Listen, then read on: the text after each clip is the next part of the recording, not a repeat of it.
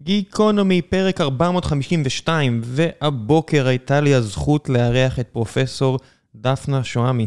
פרופסור דפנה מלמדת בבית הספר לחקר המוח ולפסיכולוגיה באוניברסיטת קולומביה, שם היא חוקרת ומדריכה ומעבירה הרצאות, והיא אישה פשוט מעולה, היא כל כך רהוטה, והיה לי כל כך כיף לשוחח איתה על מדעי המוח ועל זיכרון. ועל החוויה האנושית שנשענת בעצם על זיכרון, והמוח האנושי, והביולוגיה, והכימיה, והניורונים, והסינפטות, והייתה פשוט שיחה נורא נורא נעימה וכיפית, שהיה לי באמת זכות גדולה לקחת בה חלק. ולפני שנגיע לפרק הזה, אני רוצה לספר לכם על נותני החסות שלנו, והפעם זה פודקאסט אחר מבית היוצר של קבוצת הארץ. קבוצת הארץ בדיוק הודיעה על כך שיש לה יותר מ-100 אלף מנויים דיגיטליים, משהו שהוא מאוד uh, מרגש פה בארץ, ואחד הדברים שהם עושים זה פודקאסטים. אחרי הרבה מאוד שנים שהם רק כתבו, הנה איך שהם עושים גם אודיו. אז הפודקאסט המדובר נקרא 25 שעות ביממה. האם שלווה היא overrated? איך מתמודדים עם הגירויים הבלתי פוסקים של החיים? מה אפשר ללמוד ממנתח לב על שבירת שגרה, או מהיומן של שמעון פרס על ניהול זמן? הרבה מאוד נושאים עולים בפודקאסט הזה, שהופיעו גם בפרק הנוכחי עם אה, פרופסור דפנה. יש את קווי ההשקה, בגלל זה כל כך נראה לי הגיוני לחבר בין החסות הזו לפרק ששמעתם, הולכים לשמוע עכשיו. הפודקאסט 25 שעות ביממה חוזר עכשיו לעונה שנייה. ואתם יכולים להצטרף למחקר של אה, רותי רודנר, שיסייע לכם לנהל זמן ולעשות סדר בין כל הדברים שאתם רוצים לעשות, לאלו שאתם צריכים לעשות. יש פרק חדש מדי יום רביעי, אחת לשבועיים ליתר דיוק, וניתן להאזין דרך אפל וגוגל וספוטיפיי, וזה יופי יופי של תוכן. בטח אם שמעתם או שומעים עכשיו את הפרק הזה עם אה, פרופסור דפנה שואמי וחושבים שזה מעניין ורוצים ללמוד עוד, אני מאוד ממליץ לכם להביא ניסיון לפודקאסט הזה מבית קבוצת הארץ, 25 שעות ביממה. זהו, תהנו. ועכשיו, גיקונומי, פרק 452.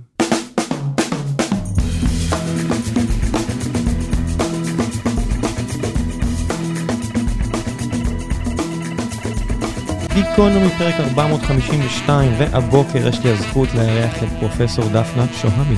בוקר טוב. בוקר אור. מה את עושה בארץ כל כך רחוק ממעבדתך? אני פה מסיימת שנת שבתון. אחת הפריבילגיות הגדולות של חיים אקדמיים זה שמבקשים מאיתנו לקחת מדי פעם שנה הפסקה, להתעסק בשאלות קצת אחרות, בעיסוקים קצת אחרים, במקומות קצת אחרים. איך זה באמת מרגיש? זאת אומרת, אני תמיד נורא הערכתי את הפריבילגיה הזו ואת הרעיון הזה של לתת לאדם להתרחק ממה שהוא עושה בשגרה כדי לפתוח את הראש. איך זה באמת משפיע על חוקרים? אני חושבת שזה דבר נפלא, שהיה טוב אם הוא היה, אמ, אם היו מאמצים אותו בקונטקסטים אחרים. יש משהו בלהתרחק מהיום-יום אה, והעיסוק הרגיל, שאני חושבת מאוד אה, מגביר יצירתיות ורעיונות חדשים, לא רק באקדמיה, בכלל. למעשה, יש על זה מחקרים אפילו ברמת היום-יום, ששינה, מנוחה, שינוי מהקצב הרגיל של מאמץ קוגניטיבי, הרבה פעמים עוזר לאנשים דווקא לחשוב אחרת, יותר פתוח ולפתור בעיות. את חושבת שכמי שחוקרת את המוח כל כך הרבה שנים, יוצא שאת מביאה אנלוגיות למצבים יומיומיים מהבחינה הזו למשל, מפשוט אנטומיה ומחקר? זאת אומרת, מה, את מתחילה לחשוב בשנת שבתון?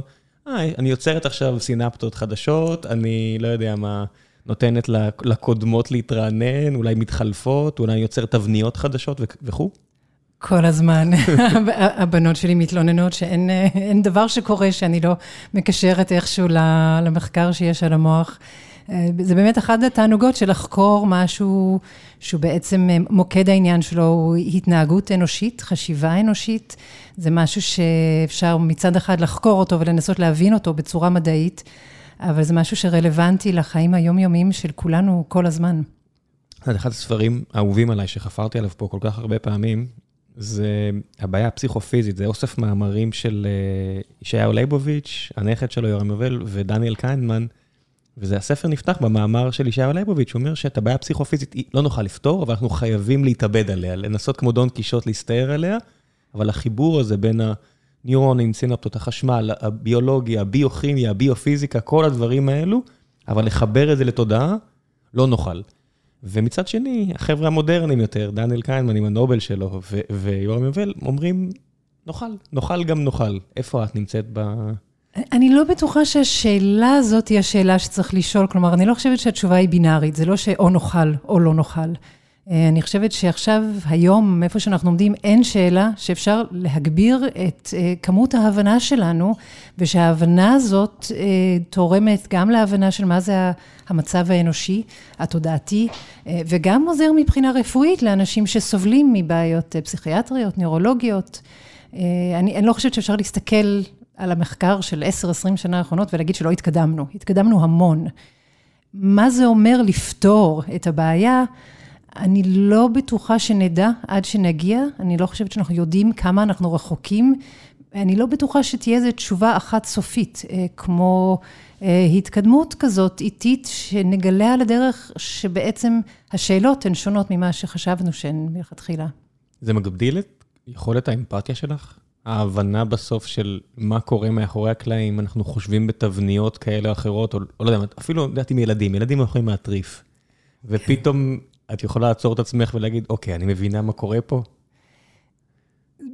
בשבילי כחוקרת יש ככה שני מודס uh, כאלה. לפעמים אני מצליחה להסתכל על הכל מרחוק מהמקום של חוקרת ולהגיד, אוקיי, יש פה איזה שינוי הורמונלי בבת המתבגרת שלי, או um, איזה שינוי מבני אצלי בגלל הקונטקסט שאני נמצאת בו, אבל uh, בין לבין אני, אני בן אדם, אני אימא וחברה ובת זוג, וברגעים האלה לפעמים אתה נבלע לתוך זה, ואתה, אני סובלת מאותם האתגרים שכולם סובלים.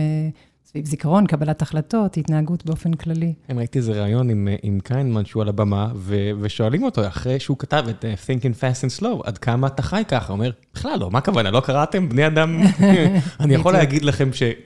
ככה זה עובד, אבל זה נורא קשה. בדיוק. לא, יש לי הרבה פעמים שיחות עם קולגות על דברים אישיים, אה, החלטות אישיות, שאנחנו עוצרים רגע ואומרים, רגע, רגע, אנחנו אמורים לדעת איך להתייחס לבעיה הזאת, ולפעמים עושים מאמץ מאוד מודע לגשר בין המחקר למצב האישי שלנו, אבל זה לא משהו שקורה טבעי בכל רגע, זה בטוח. כי את לא יכולה להוציא את עצמך מהסיטואציה? לגמרי, לא את עצמי, לא את הרגשות, אה, ואני חושבת שכולנו, יש לנו נטייה להרגיש שה... המצב הנורא נורא אישי, ספציפי שאנחנו נמצאים בו, הוא רק שלנו, הוא לא קשור לאיזה מנגנונים כלליים של אה, פסיכולוגיה ומוח. איפה הרגשות נכנסים פה בעצם? זאת שאלה מצוינת. אני חושבת ששוב, כבני אדם, אנחנו יודעים שרגשות נכנסים אה, בכל מקום וכל הזמן. אה, ובכלל, יש שינוי נורא נורא מעניין, אני חושבת, בתחום, ויש לי עמדה ככה די, די נחרצת בנושא. פעם היה מאוד מאוד נפוץ לחשוב על רגשות מול קוגניציה. אה, או מול אה, חשיבה רציונלית. אה, היום הרבה מאוד אנשים, ואני ביניהם, חושבים מאוד מאוד אחרת על הבעיה, ולמעשה, שוב, שזו דיכוטומיה מומצאת, שאין דבר כזה רגשות לעומת קוגניציה, זה שזה הכל מנגנונים של רשתות במוח, שלוקחים בחשבון את, את הכל ביחד, ש, שאי אפשר להפריד בין הדברים. אז מהבחינה הזאת, אני חושבת שאנחנו כבני אדם המצאנו את הרעיון של רגשות כדבר... כאילו נפרד, אבל מבחינת ההתנהלות של אה, ניורונים ורשתות, אין, אין, אין הפרדה כזאת. אז מה יש? יש מערכות מסובכות אמ, שמשפיעות על כל דבר שאנחנו עושים. אמ, יש אינטראקציה בין אה, ניורונים ובין רשתות של ניורונים. שבסופו של דבר כל הפעילות הזאת היא חשמלית וכימית. כלומר, כל הדבר המורכב הזה שיש לנו אה, בראש, אפשר לצמצם לפעילות חשמלית וכימית, שבאופן מסוים, ברמה המאוד מאוד אה, מצומצמת, אפשר להבין אותה במונחים אה, פיזיקליים כאלה. כן, באמת, אבל מעל להכל יש באמת, ואז אני חוזר לאותה מאמר של לייבוביץ', יש בסוף מודעות. זאת אומרת, נכון. עד כמה באמת יש לנו יכולת כיצורים חושבים להשפיע על, על הביולוגיה וכימיה. זאת אומרת, יש פה איזה, המודעות היא בסוף כן איזשהו extra spice בתבשיל הזה שמקשה עלינו, אני חושב, לקלוט כן. את כל הסיפור הזה. עד, עד, כמה כן. זה, עד כמה זה מומצא? זאת אומרת, רגשות הרי זה איזושהי אבסטרקציה שהוספנו, לא אבסטרקציה, איזשהו מופע של האובייקט הזה שהוספנו כדי להסביר לעצמנו עד כמה מודעות זה אותו דבר. אני חושבת שאת התשובה הנחרצת לשאלה הזאת עוד אין לנו. ויש דעות מאוד מאוד שונות אצל חוקרים שונים, יש המון תיאוריות של מה זה מודעות ומה זה נותן לנו, החל מאנשים שחושבים שזה באמת איזה משהו משני, סיפור שאנחנו ממציאים, ועד אנשים שחושבים שזה תמצית החוויה האנושית. זאת שאלה שפשוט עוד אין לנו את התשובה עליה. אני חושבת שכן אפשר ללמוד המון מדברים שאנחנו כן מבינים יותר טוב. למשל, בתחום של זיכרון, שזה תחום המומחיות שלי, פעם התעסקו המון בשאלה של מה זה זיכרון מודע. כאילו שהזיכרונות הבאמת משמעותיים, זה הזיכרונות שיש לנו גישה מודעת אליהם, שאני יכולה לזכור מה עשיתי לפני שבוע בבוקר. היום אנחנו יודעים שהמון ממה שקורה בזיכרון קורה באופן לא מודע. אנחנו ממציאים אחר כך סיפורים, אבל אנחנו רואים את ההשפעה של זיכרון על התנהגויות באופן לא מודע, וזה חלק מאוד מאוד מאוד עשיר ומשמעותי של ההתנהגות והחוויה האנושית. מה גם שהמילה שבחרת, משמעות, היא גם מילה שאנחנו... לגמרי. מה זה משמעות? משמעות זה מה שאנחנו קובעים שהוא משמעותי. סיימתי איזה ספר לא מזמן, זה נקרא Mistakes were made, but not by me. על הטיות קוגניטיביות כאלה ואחרות. ואחד מהסיפורים שהמחברת מציינת שם, זה כל מה שקשור לריבוי personalities. והיא אומרת שבשנות ה-80 היה אלפי מקרים בארצות הברית, והיא מספרת על איך זה נתפס בתור, לדעת, מין הסיפור של סיביל וכל הדברים האלו. ואז מישהו הרים את היד ואמר, לא חבר'ה, אני מצטער, אין דבר כזה, זה הכניסו לראש של אנשים ופתאום נעלם. אין יותר, כן. אין יותר דברים כאלו. כן. כן, זה תופעות מרתקות. אני חושבת שזה כאילו הקטגוריה הכללית שאני שמה את זה, שהיא כאילו מוציאה את זה ממשהו כזה פריקי ומוזר לחוויה היומיומית, אפילו בשיחות עם אנשים ביום-יום, איך אנחנו מספרים סיפורים כל הזמן. יש לי חברה שדיברתי איתה השבוע, שהייתה באיזה מין משברון, ואמרה, אני תמיד במשבר סביב הסוגיה הזאת, אמרתי לה, לא, אני מכירה אותך הרבה שנים, ולא. והיא יצרה רגע, אמרה, אוקיי, המצאתי את הסיפור הזה הרגע להסביר את המצב שאני נמצאת בו כרגע, ולנסות להוציא את עצמי ממנו. זאת אומרת, לנסות לתת משמעות, איזשהו נרטיב, איזשהו סיפור שעוזר לי לדעת איך להתנהג עכשיו, ובהסתכלות על העתיד. ובעצם הרבה פעמים מה שאנחנו עושים, אני חושבת שזה אחד התפקידים הכי מרכזיים של הזיכרון, הוא שאנחנו נשענים על הזיכרון בשביל לייצר סיפור שנראה לנו רלוונטי עכשיו, בשביל לנבא מה הולך להיות בעתיד. ופחות חשוב אם הסיפור הזה הוא מדויק או לא, מה שאנחנו צריכים זה סיפור שעובד. כמה אנחנו בכלל זוכרים, לא יודע, אני מרגיש שיש סיפורים שאם אני אספר אותם כעת, אני מלפני 20 שנה על הצבא, אני כבר לא זוכר את המאורע, אני זוכר את הפעם האחרונה שסיפרתי את הסיפור, אני מרגיש. אולי אם יהיו עוד אנשים שם, אנחנו נזכר ביחד בסיטואציה, אבל אני באמת, אם אני עכשיו חושב לעצמי, להיזכר בתחושות, בצבעים, בהכל, זה, זה כמו מכחול, אני יכול לצייר את זה עכשיו בהרבה צורות כנראה, כן. ואני זוכר בעיקר את הפעם האחרונה שסיפרתי ואת הפעם הקודמת שסיפרתי על זה, וזה מה יש. כן. אז מה בעצם אני זוכר? כן, לא, זו, זו, זו, זו, זו תופעה נורא נורא מעניינת, כי זה מעניין בעיקר שאתה מציין, שיש לך איזושהי צניעות מול הזיכרונות שלך עצמך, כי להרבה פעמים, הרבה פעמים אין לנו, הרבה פעמים נדמה לנו שאנחנו זוכרים את זה באופן מאוד מאוד מאוד מדויק, ואז אנחנו מדברים עם מישהו שהיה איתנו בצבא, שאומר, לא, אני זוכר את זה אחרת לגמרי. ובעצם חלק ממה שקורה שם זה שהיזכרות היא, היא חוויה קונסטרוקטיבית, אנחנו מבנים את הזיכרון, זה לא כמו במחשב, אנחנו לא שולפים בדיוק את מה שהיה. אנחנו לוקחים את מי שאנחנו היום, את ההבנה שלנו היום, של עצמנו, של העולם, ואיפה הצבא, נאמר, משתלב בסיפור הזה שיש לנו היום, ומשתמשים במסגרת הזאת הנוכחית בשביל להבנות זיכרון מהעבר. אז בהכרח הוא לא יהיה מדויק, כי את הסיפור שיש לנו היום, לא היה לנו אז. אז אנחנו משתמשים בזה באמת, זה, זה המכחול באיזשהו מקום. אז רגע, אז אני מגיע באמת, את יודעת, פעם השוו את המוח לשעונים, כי זה היה אנלוגיה, אנחנו, אנחנו אנשים, בני אדם חושבים באנלוגיות. היום משווים כבר אה, למחשב, וזה נחמד שאלן טיורינג תכנן, ו, וכל מיני פון, יומן, פון יומן וכל מיני אחרים, תכננו ארכיטקטורות מחשבים כמו שהם תכננו, כי פתאום זה מתאים למוח. אפשר להגיד אם זה המצאה או גילוי, הקורולציות האלה, אבל בסוף, כמהנדס חשמל, אני יודע שזיכרון במחשב, אני כותב 0 או 1, סדרה שלהם לרגיסטרים, וזה הזיכרון, הממורי של המחשב. עכשיו, אם יש לי, אם נחתם משהו באותו אירוע מלפני 20 שנה, וזה נשמר איפשהו, מה קרה, איך זה נשמר, ומה קרה עם זה ב-20 שנה מאז? כן, אז זו שאלה שעכשיו אני ככה נגררת ונאלצת להסביר על ההבחנה במחקר על הזיכרון, בין הרעיון של encoding, של קידוד זיכרון, ובין מה שקורה כשאנחנו שולפים זיכרון. החוויה שלנו כשאנחנו מדברים על זיכרון ביום-יום, היא בעצם חוויה שמדברת על השליפה עצמה. מה זה להיזכר היום במה שהיה בצבא. זה, זה קשור, אבל לא, לא, לא משכפל באופן מדויק את מה שהיה כשקידדנו את הזיכרון. והסיבה היא שבניגוד למחשב שיוצר זיכרון, ובזה זה נגמר, במוח אנחנו יוצרים זיכרון, ואנחנו בעצם יוצרים איזשהו... trace כזה שנשאר, ואחר כך אנחנו משתמשים בו על מנת להבנות משהו אה, אחר קצת. אנחנו אף פעם כמעט לא ככה שולפים זיכרון באופן מאוד מאוד מדויק, כי אנחנו השתננו, הקונטקסט השתנה, המערכות במוח השתנו, וזה הבדל מאוד מאוד חשוב כשאנחנו רוצים נורא להישען על האנלוגיה של זיכרון במחשוב, ששם חס וחלילה, אם היה דבר כזה, אי אפשר היה לסמוך על המחשב, ש... זיכרון שהוא יצר לפני שבוע, השתנה בינתיים, כי התווסף עוד דאטה. להפך, אנחנו, כל מה שאנחנו עושים זה to reduce noise, זאת אומרת, מי שעושה uh,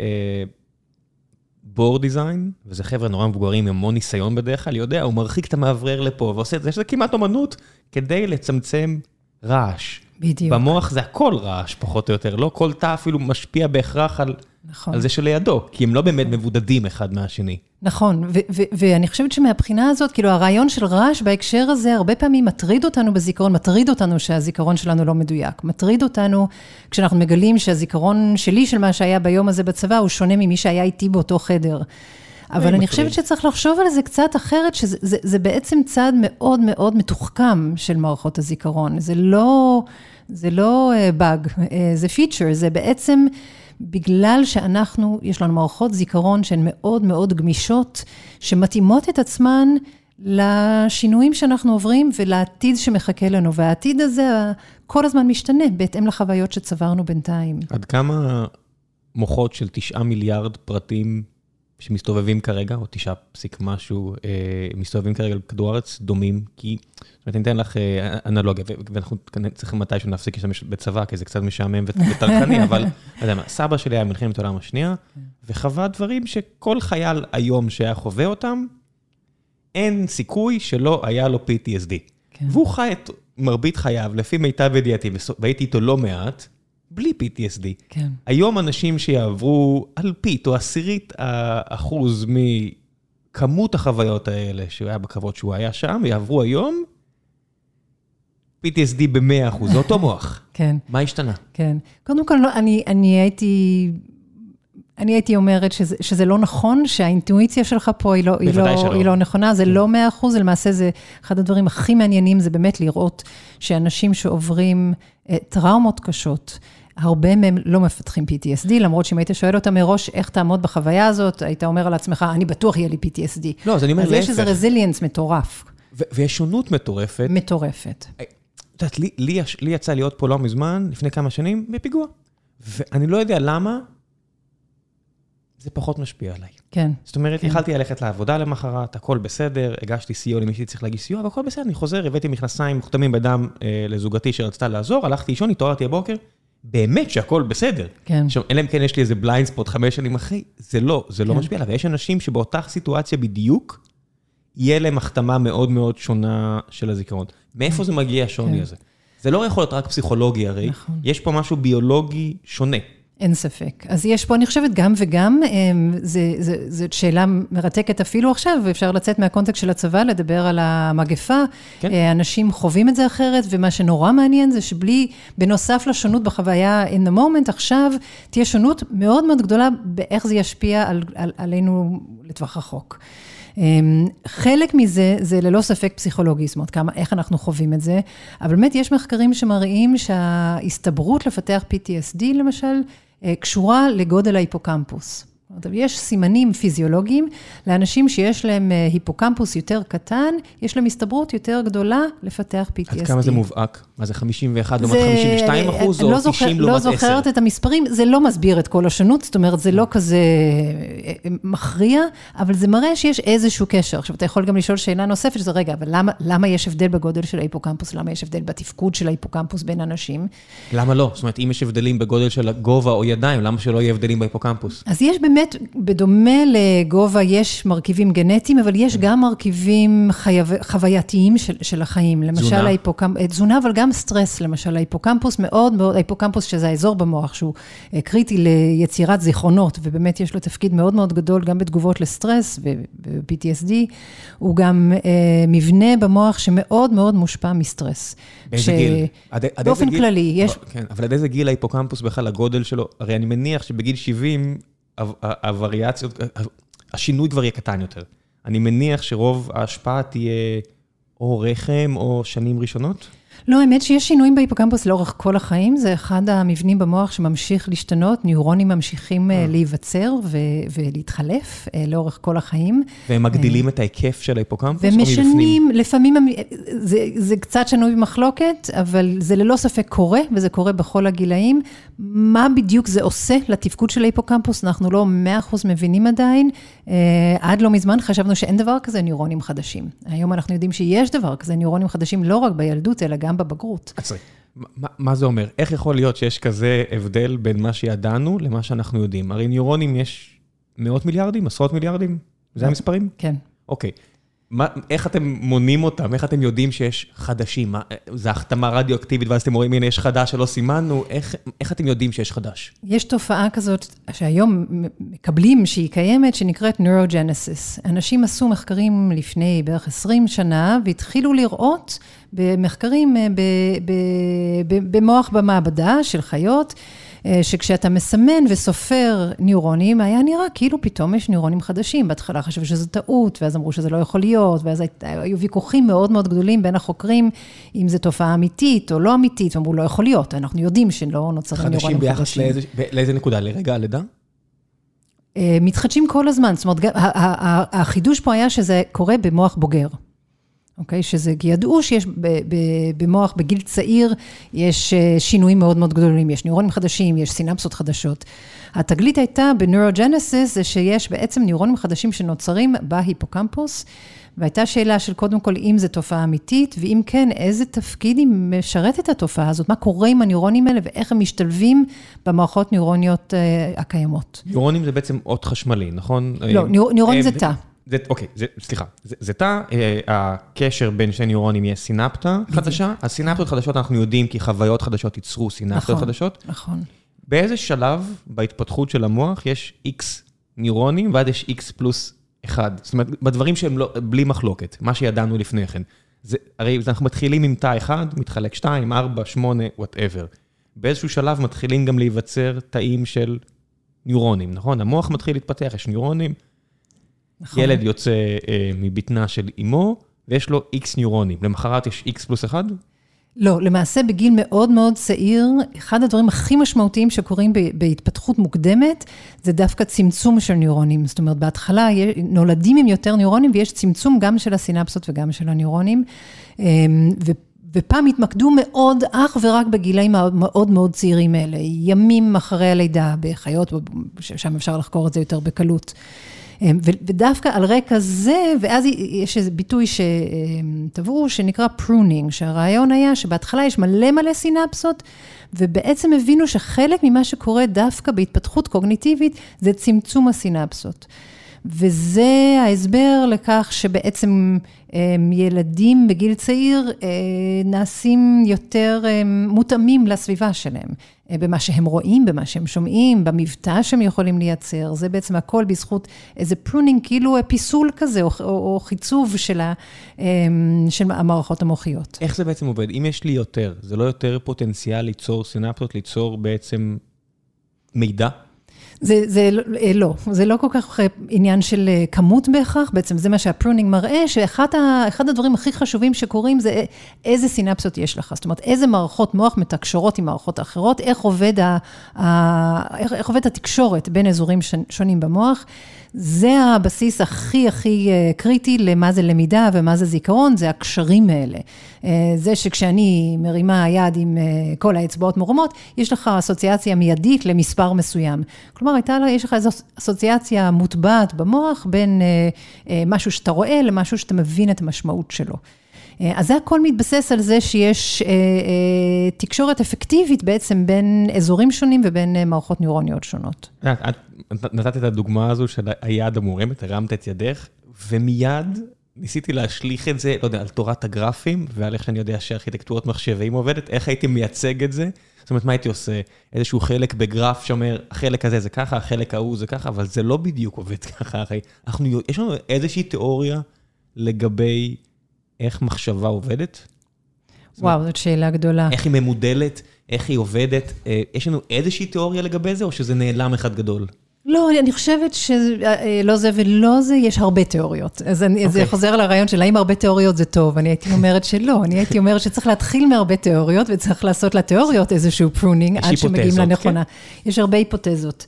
אמ, למשל, אה, בואו נחזור לדוגמה הנורא פשוטה של לתרגם, אה, לא כל כך פשוטה, אבל יחסית פשוטה, של לתרגם מה אתה רואה למה אתה מבין, אוקיי? כשאני מרימה, שוב, חמש אצבעות ואתה מבין את הספרה חמש. ובואו ניקח את התופעה של סנסטיזיה. יש אנשים שהספרה חמש, הם רואים אותה בצבע מסוים, תמיד. בשבילם חמש זה נגיד אדום, ושלוש זה ירוק. אני אפילו לא יודע מה זה אומר. מה זה אומר? החיבור בין ספר... מי שלא חווה את זה, זה מבחינתי, כמו שאמרת, הטלף שהוא שומע עם עם סונאר, אני לא יודע אפילו איך להשליך על החוויה. מה זה אומר חמש זה אדום, שלוש זה ירוק? אז אז קודם כל, גם אני לא יודעת, זאת אומרת, אין לי סינסטיזיה, אבל בערך אחד ממאה יש להם סינסטיזיה, ויש על זה ספרים נורא נורא מעניינים, גם על החוויה הסובייקטיבית. אני מלמדת קורס גדול בקולומביה של בערך 500 סטודנטים, וכשאני מדברת על סינסטיזיה, אני אומרת... חמישה מכם? חמישה מכם אמורים אמורים שיהיה לכם. ותמיד אחר כך אנשים באים אליי להגיד, כן, אני באמת, אה, יש לי סנסטיזיה. ושוחחתי עם האנשים האלה, כן? איך הם, איך הם מתארים את החוויה של לראות מספר, בלי השפעה של נרקוטיקה כזו או אחרת, שהיא תמיד צובעת את המציאות טיפה בצבעים אחרים, אני פשוט לא יכול להסתמך עליה, כי היא כל כך שונה מהיום-יום שלי. זה אנשים שהיום-יום שלהם נראה כך. כן, הם מסבירים את זה בדיוק, בדיוק כמו שכשאני מרימה חמש אצבעות, אתה חושב חמש? בשבילם, באותה האוטומטיות, הם רואים אדום. את הספרה באדום. את הספרה חמש באדום או בירוק או whatever. אז זה יכול להיות, אה, הרבה פעמים זה מספרים וצבעים, לפעמים זה אותיות וצבעים, לפעמים זה צלילים. זה בעצם תופעה כזאת של ערבוב של החושים, כלומר משהו ב pruning הזה, משהו באיך שהמערכות הסנסוריות התארגנו להם בגיל צעיר, בלבל בין uh, חושים שונים שאצל רובנו הפריד ביניהם. Um, זה די נפוץ אפרופו בקרב אנשים שמתעסקים באומנות, זה יותר נפוץ. כלומר, יש משהו כנראה, או באיך שהחיבור המבולבל הזה נוצר מלכתחילה אצל אנשים יותר אומנותיים, או בזה שזה נתן להם מין פתח ליצירתיות, להבין שמסתכלים על העולם אחרת. זה כמעט מרגיש לי כאילו אבולוציונית, יש חלק בהיפוקמפוס שמיועד לשמירה של מידע על צבעים. שזה, יודעת, פוטונים, אורכי גל למידע, ויש חלק אחר שמתחבר למניעה של מספרים, ונניח והם קרובים דיו, אז סטטיסטית יש כאלה שהרעש יוצר חיבור לא טבעי עבור 99 כן. אנשים אחרים, ואז עולה לי השאלה, מה זה אומר החלקים האלה? הרי אני מניח שזה לא נקי כמו X רגיסטרים במחשב שמיועדים לקחה, ו-X אחר שמיועד אחרת. איך בכלל מתחילים את המחקר הזה? זאת אומרת, כן. זה, זה תראה, זה חוזר לשאלה שלך מקודם, על ה, ה, איך חושבים על מה משותף ומה שונה במוחות של אנשים שונים. אז אצל כמעט כולנו יש אזור שמייצג מספרים, ואזור שמייצג אותיות, ואזור שמייצג פרצופים, ואזור שמייצג צבעים, צבעים אמרנו כבר. בקיצור, קטגוריות, אה, כלים, יש בעצם איזשהו ארגון נורא, ארכיטקטורה כזאת מאוד מאוד בסיסית ומשותפת למוח האנושי, ולא רק האנושי, למוח של, אה, של primates באופן כללי. אז, זה, אז קודם כל זה נכון, אנחנו יותר דומים, מהבחינה הזאת לכולנו יש עיניים, אף באמצע הפנים וכולי. אבל מעבר לזה, הניסיון שלנו, גם המוקדם וגם המאוחר בחיים, ממשיך להשפיע על התקשורת הספציפית בין האזורים האלה.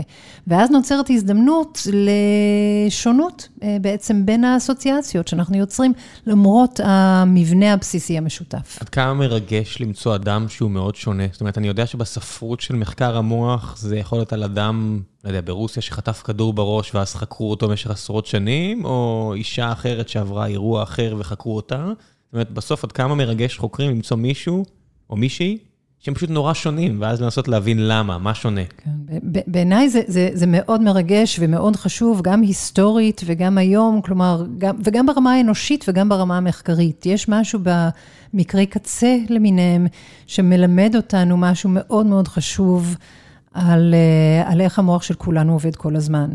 אה, בחקר הזיכרון היה מקרה של חולה, אה, שקראו לו HM בשנות ה-50, אה, שעבר ניתוח, הוציאו לו חלק מההיפוקמפוס בשני הצדדים, לכולנו יש... ואפילפסיה, לא? משהו כזה? כן, הייתה לו אפילפס, אפילפסיה מאוד מאוד קשה, שאי אפשר היה לטפל בה בתרופות, הוא היה בחור צעיר, והיה מנתח מוח שהחליט שבשביל להציל את חייו, הוא ימצא את מוקד האפילפסיה, ויוציא שם את התאים, מי שמזדעזע, עדיין יש דברים כאלה ב-UCLA, אפילו חוקרים ישראלים, או לפחות אחד, שזה באמת מציל חיים, שיש סיטואציות שאת... זה באמת מציל חיים, למרות שמאז המקרה הזה של HM, גילו שמה ש...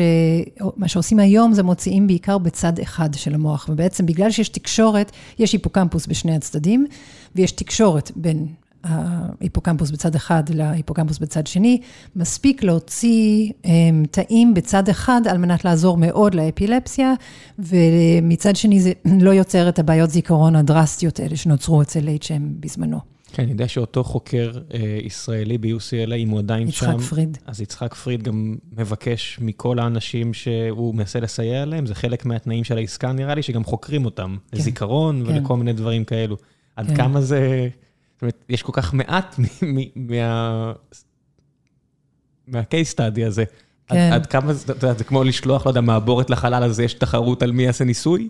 כן, אז אני חושבת שהיום, זו תקופה נורא מרגשת היום בכלל לעסוק אה, בחקר המוח, כי היום אנחנו במצב שאנחנו יכולים מצד אחד לקחת את המקרים הנדירים האלה וללמוד מהם, ובמקביל יש לנו היום גישה דרך אה, אה, טכנולוגיות הדמיה, אה, להסתכל גם מה קורה במוח שלך ושלי ושל כל מיני אנשים כשהם יוצר, יוצרים זיכרונות ושולפים זיכרונות.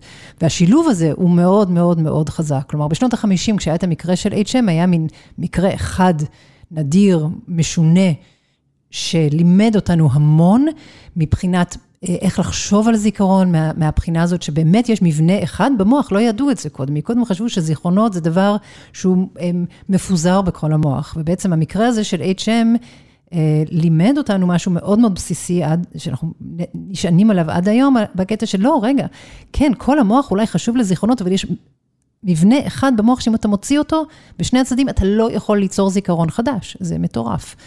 אמ, אבל היום אנחנו יודע, עשינו מאז אה, אה, אה, כתחום המון המון מחקרים, מחקרי המשך, והיום אנחנו יכולים להגיד, אוקיי, כשבמקרה של HM הקיצוני אתה מוציא את ההיפוקמפוס ואתה פוגע ביכולת ליצור זיכרונות, מצד שני, אני יודעת שאם אנחנו נשים אותך במכשיר ההדמיה ונבקש, נראה לך 100-200 תמונות, אחת אחרי השנייה, במהירות רבה.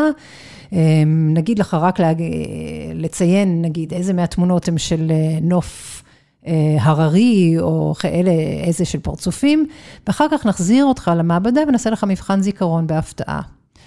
ואנחנו יודעים שבעצם, אם אנחנו נסתכל על מה קרה במוח שלך, כשהסתכלת על התמונות, אם במקרה הייתה פעילות יותר גדולה של ההיפוקמפוס, יותר סיכויים שאתה תזכור את התמונה הזאת אחר כך. עד כמה זה עניין של אימון, זה אחד הספרים האהובים עליי, וגם עליו סיפרתי הרבה פה, של נורמן דויג', המוח הגמיש, והפוטנציאל האנושי. ויש לי איזה משחק כזה, כל פעם שאני מגיע לבית קפה או משהו כזה, אני מנסה לבחון את עצמי על, את להעיף מבט, ואז אני שואל את עצמי, אוקיי, האיש שישבה שם, מה היה לה במחשב? ההוא שישב שם, ואני עושה את המשחק הזה עם הרבה, זה קצת מוזר, אז אני לא מספר לאנשים אחרים, מלבד פה ל-15 אלף אנשים עכשיו, אבל עם השנים השתפרתי בזה מאוד. כן. זאת אומרת, אני יכול להגיד לזוגתי, ההוא שם חיפש טיול, האיש שם אה, מחפשת דירה, האם שם אה, קראו דה מרקר, לא יודע מה. אבל זה כן עניין של אימון.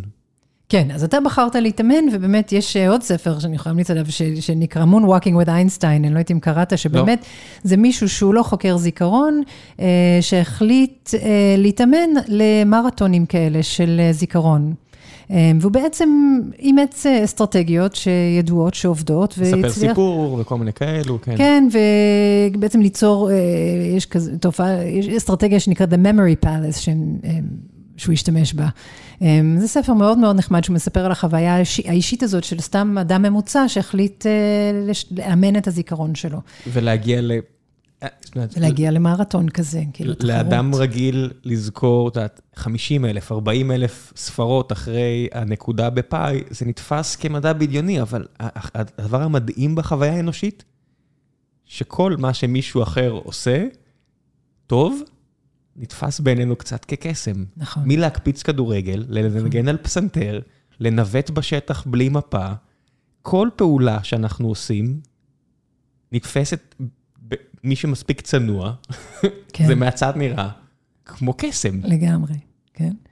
כן, וזה זה שוב מראה ככה, אוקיי, כולה, גם אני יכולה לכדרר, אבל אה, אני לא אגיע ל-NBA כנראה כבר. אז יש פה משהו גם נורא מעניין של להבין, אוקיי, הפעולה הבסיסית הזאת שכולנו יודעים לעשות אותה, אנחנו יודעים ליצור זיכרונות, אנחנו יודעים לכדרר, אנחנו יכולים ללמוד לשחק טניס. מה ההבדל בעצם בין היכולת הבסיסית הזאת, שאפשר להבין אותה במונחים של אה, אזורים במוח ורשתות אה, ניורוניות, אמ, ובין מישהו שבאמת מביא את היכולת הזאת לקצה, או בין אם זה בזיכרון ובין אם זה בספורט. ומצד שני, כמו שדיברנו על החולה HM, מה קורה כשיש מישהו שיש לו בעצם אה, ההפך, איזושהי פגיעה מאוד מאוד מאוד סלקטיבית. מוח שעובד נהדר, אדם אינטליגנטי, אצל HM אחרי הניתוח, יכולת שפה ונרטיב, הכל נראה נורמלי, אבל משהו ספציפי הולך. מבחינת חוקרי מוח, אנחנו רוצים לנסות להסביר את כל המגוון הזה. אם אנחנו מבינים באמת איך זיכרון עובד, אנחנו צריכים להיות יכולים להסביר מה קורה, גם כשיש אובדן יכולת, גם אצל בן אדם ממוצע וגם אצל בן אדם אה, אה, טוב במיוחד. יכול להיות שזה עובד שונה אצל אנשים שונה ברמה ש... זה, זה תהיה ההפתעה שלנו עוד 100 שנה, שנפתח מכשירי הדמיה טובים יותר, או שזה לא, לא, לא הגיוני? שיש שוני באמת, זאת אומרת, בצורה שבה... יכול להיות שיש כמה צורות? באופן כללי, אני חושבת שכן. אמ, יש אה, מאמר מאוד מאוד נחמד שכתב אה, קולגה מ-NYU, גרי מרקס, בוויירד, לפני אולי עשר שנים.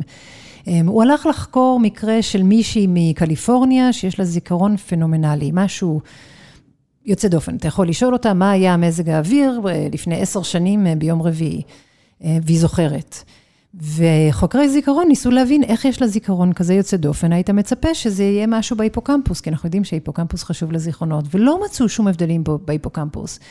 וגרי מרקוס בעצם אמ, אה, התייחס למקרה הזה קצת כמו בלש, והוא הלך ופגש אותה וראיין אותה, ובמאמר הזה הוא מציג את ההיפותזה שלו, זה שאחרי מפגשים איתה ומחקר איתה, אה, בעצם אין לה משהו מיוחד בזיכרון, מה שיש לה זה אה, סוג של OCD לגבי החיים שלה. מסתבר שיש לה יומנים. מפורטים שהיא שומרת מאז שהיא ילדה. מי ידע? כן, ושבעצם זה דומה למה שאתה תיארת. אתה היום יודע להגיד אה, מה הבחורה בבית קפה הסתכלה במחשב, כי אתה החלטת לשים לב לזה, וזה כן. אולי פחות תופעה של זיכרון ויותר תופעה של אימון קשב. זאת אומרת, software ולא hardware. כן, בדיוק. אני תמיד אומר לעצמי, יום שבו אני אשן טוב, לעומת יום שבו, לא יודע, הילד היה חולה וקם שש פעמים בלילה, ולא ישנתי טוב. ההבדל בקוגנ... ביכולת השכלית הוא עצום. עצום. מה השתנה? זאת אומרת, החומרה לא השתנתה. כן. הרי הסינפסות הן שם, נכון? כן. מה השתנה?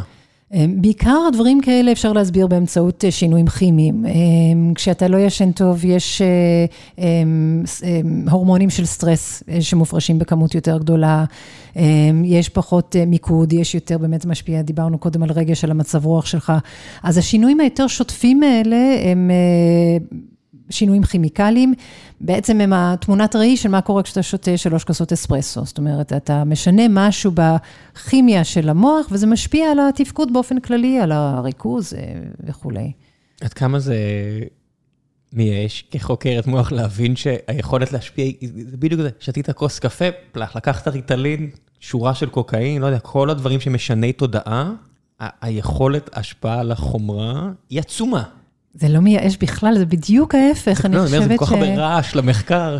אמ, קודם כל, רעש לא מפחיד חוקרים. צריך, אם, אם אתה יודע על איזה מקורות רעש אתה רוצה להתמקד, אתה לומד אה, לשלוט עליהם במחקרים מבוקרים, ו, וכל הקסם זה לנסות להסביר את הרעש הזה של החוויות היומיומיות. אז מהבחינה הזאת, אני חושבת שזה באמת, זה, זה, זה הפוך ממייאש, זה מרתק, וזה, אלה דברים שאפשר להבין אותם. כל אחד מהדברים שאמרת, זה, זה, זה אפילו מחקרים פשוטים. אני אקח קבוצה של אנשים, אנשים עושים את זה כל הזמן. תן להם קפאין או לא קפאין, ריטלין או לא ריטלין, נמדוד כמה הם ישנו, זאת אומרת, זה הכל דברים שאנחנו יכולים, ו, ובשוטף, שאלות שאנחנו כולנו שואלים בתחום. אם מדברים על שאלות, מה השאלה הכי גדולה שאת חושבת שיענו עליה בחייך? בקשר למוח, כן? זאת אומרת, איזה שאלה, נגיד במתמטיקה יש כל מיני שאלות פתוחות כאלה, שאתה שואל מתמטיקאים, אומרים, אני מקווה שאת ההיפותזה של רימן, אני אזכה לראות הוכחה שאני אצליח להבין, שזה יהיה בכלים שאני יודע להבין. מה אצלך? אני חושבת שחקר המוח הוא בשלב מוקדם מדי, בשביל שאנחנו אפילו לא יודעים היום, אנחנו, אם תשאל את כל החוקרים בתחום, מה השאלות הגדולות ביניהם, כל אחת תקבל שאלות אחרות. ואני חושבת שזה אה, פשוט מצביע על זה שהתחום הוא עדיין בשלב מאוד מאוד אה, ככה... אקספלורטורי, שאנחנו בעצם עדיין מנסים להבין מה השאלות הקריטיות. בתוך כל תת-תחום אנחנו אה, יכולים להסכים על מהן השאלות אה, כרגע, אבל השאלות הגדולות באמת, אנחנו עדיין מנסים להבין אותן. כן, יש פה גם הרבה פוליטיקה. זאת אומרת, ישבה פה פרופסור דפנה יואל באוניברסיטת תל אביב, אז היא מספרת, המוח הנשי, המוח הגברי, הרי זה... יש, זה, זה כן. דברים פוליטיים. זה גם מש... דברים פוליטיים, אין ספק. הם משפיעים מאוד על, על, על עצם השאלה. אני חושב שזה עוד כן. רעש קצת, כי אנחנו בעצם... כן. Sensual beings, ואנחנו חוקרים מוחות, ואנחנו טוענים את זה, זה לא מתמטיקה, זה לא נקי. כן. כן, אבל אני חושבת שמהבחינה הזאת, זה, זה, זה פוליטי במובן, זה, זה בדיוק קשור לעניין הזה שאנחנו לא לגמרי יודעים איזה שאלות להתמקם ואיך לשאול אותם. תיקח אפילו משהו, אתה מסתכל על ההתפתחות בתחום של מדעי המוח, נגיד ב-20 שנה האחרונות שבהם בערך אני פעילה בתחום. הדו, התגליות הכי מרתקות היו תגליות שהכריחו אותנו לשנות את השאלה. אמ, בין אם זו שאלה של מה זה זיכרון, ובין אם זו שאלה של מה זה ג'נדר, ובין אם זו שאלה של האם יש תאים חדשים או לא. התגליות היו חשובות כי הם שינו את השאלה, וכשמשנים את השאלה, פתאום יש איזו אה, אה, ככה התפרצות של אה, פעילות מחקרית, שעכשיו יודעים בעצם לשאול את השאלה האחרת. אז אני חושבת ומקווה ו- ומאמינה שהשינויים ב-10-20 שנה האחרונות יהיו שינויים מהסוג הזה, תגליות שילמדו אותנו משהו בעצמן, אבל בעיקר ישנו את השאלות שאנחנו שואלים. התרבות שמאפשרת או מונעת לשאול שאלה, מתחילה להתערב לך במחקר? זאת אומרת, אנחנו חיים היום בתקופה שבאוניברסיטה שלך בניו יורק, או בכל אוניברסיטה בארצות הברית, היכולת לשאול שאלות עוברת דרך פילטר פוליטי. כנראה זה תמיד היה, עכשיו אולי אני פשוט יותר חשוף לכך, אבל אני מניח שיש היום שאלות שאי אפשר לשאול. לא מחקרים, אפילו שאלות זאת אומרת, הבדלים בין גזעים, ההבדלים בין גברים לנשים, אה, אנשים שעברו ניתוח, זה, זה, התרבות כן. האמריקאית טענה את הכל, זאת אומרת, את מרגישה שאת הולכת טיפה בשדה מוקשים מהבחינה הזאת? אני חושבת שזה הפוך, אני מבינה מה אתה שואל ומאיפה השאלה באה. התחושה שלי זה שקורה בדיוק ההפך, אה, שבעצם חקר המוח והקוגניציה באופן כללי אה, התנהלו בצורה יחסית סטרילית. אה, מנגנונים קוגניטיביים בסיסיים, אה, אפילו כל התחום של מוח וקשרים חברתיים ורגשיים הוא תחום יחסית חדש. אני חושבת שמה שקורה היום דווקא יגדיל את סוג השאלות שאפשר וצריך לשאול, ובעצם יתחילו לנסות להבין, להכיר בזה, כאילו השינוי הוא כאילו יש איזו הכרה היום, אני חושבת, יותר גדולה, ש... התחום הוא כן פוליטי, שאי אפשר לחקור קוגניציה ומוח באופן סטרילי, שהוא רק אה, איך אני מחבר שתיים ועוד שתיים, אלא שהמוח שלנו הוא, הוא כלי פוליטי חברתי, ואנחנו, יש הרבה שאלות שקשורות לזה שלא שאלנו כתחום עד היום. יש קו. אה, דפי יואל היא דוגמה מצוינת לזה, זאת אומרת, היא שואלת שאלות חדשות שהן פוליטיות, אבל לא באופן שעוצר לה את המחקר, הפוך, היא בעצם אומרת, מאפשר לה אולי אפילו לחקור. בדיוק, בדיוק. עד לאיזשהו קו. שהוא יהיה נורא בעייתי חברתית, דברים כמו free will. זאת אומרת, שאת חוקרת free will ועוברת שם איזשהו קו, התרבות האנושית מבוססת על כל מיני, אה, היפ... לא היפותזות, אה, על בסיס, אה, השערות בסיס. כן, ופה באמת זה משהו שמתעסקים בו הרבה זמן, אתה בעצם אה, ככה מוביל אותנו לדבר קצת על הקשר בין אה, מה אנחנו יודעים על איך המוח עובד לנגיד מערכות משפטיות ואתיות. זה, זה בדיוק זה, זאת אומרת, כן. יש כל מיני מחקרים נורא מפורסמים על, מה זה מחקר? מקרה נורא מפורסם בארצות הברית, אדם גם אה, אפילפסיה ועבר אה, אובדן של חלק ממוחו, ופיתח נטיות פדופיליות. כן. איבד את היכולת לשלוט בעצמו. כן. והדיאלוג בינו לבין השופטת או השופט, זה מרתק, כי כן. הם, הם דנו שם על האם הוא אשם או לא אשם, והוא עצמו לא יודע. כן. זה שהטיעון הזה שהוא אומר, אוקיי, אבל בעבודה לא עשית את זה, נכון? למה בעבודה לא עשית את זה? כן. ורק בבית, כן. והוא לא ידע להסביר, אבל לפני הניתוח הוא לא עשה את זה. נכון, נכון. עד, עד כמה אנחנו יכולים לשלול חופש מאדם על, על בחירה חופשית או לא חופשית, כשאנחנו הולכים ומתקדמים עם חקר המוח? זאת אומרת, זה בסופו של דבר, כל החברה האנושית מבוססת על ההבנה או ההיפותזה שיש לנו אוטוריטי נכון. על מה שאנחנו עושים. נכון, ואני חושבת שמה שנורא חשוב פה, ומהבחינה הזאת בעיניי אה, התקדמות שצריכה לתת לכולנו אה, תחושה אופטימית מאוד, היא שההנחות האלה מבוססות על איזו אינטואיציה מכלום, כמו שפעם הנחנו שכדור הארץ הוא שטוח. אז, אז מה שקורה היום, ומאוד um, um, מקדם אותנו, זה שאפשר להתחיל לחקור את הדברים האלה ולבוא עם תשובות מדעיות, אמפיריות, לשאלות האלה, שאו יבססו את ההנחות האלה, או יפרו אותן, אה, ויקדמו אותנו לאיזו הסתכלות אחרת. אה, למשל, אה, ובנוסף, אני חושבת שחלק ממה שמאוד מעניין, זה שיש הרבה יותר תקשורת היום בין אנשים שמתעסקים במשפטים ובאתיקה, ובין אנשים שמתעסקים במדעי המוח. אני חושבת שהשיח הזה הוא מאוד מאוד מאוד חשוב, אנחנו רוצים לדעת על מה אנחנו מדברים. יש במערכות המשפט בארצות הברית אה, עכשיו המון אה, עיסוק בנושא של אה, בני נוער ואיך אפשר לשפוט אותם. אז על זה אנחנו ומאיזה יודעים. גיל. ומאיזה גיל, ומה זה אומר, ומה קורה למוח בגילאים מסוימים. הרבה חוקרי מוח, של, שחוקרים את המוח בגיל ההתבגרות, מאוד פעילים היום בלדבר עם think tanks ועם משפטנים, ולהגיד, לא, אתם לא יכולים להגיד שנער בן 16 צריך להישפט כמו אדם בוגר, כי הוא לא. אנחנו מסתכלים על המוח שלו, אנחנו היום יודעים מספיק.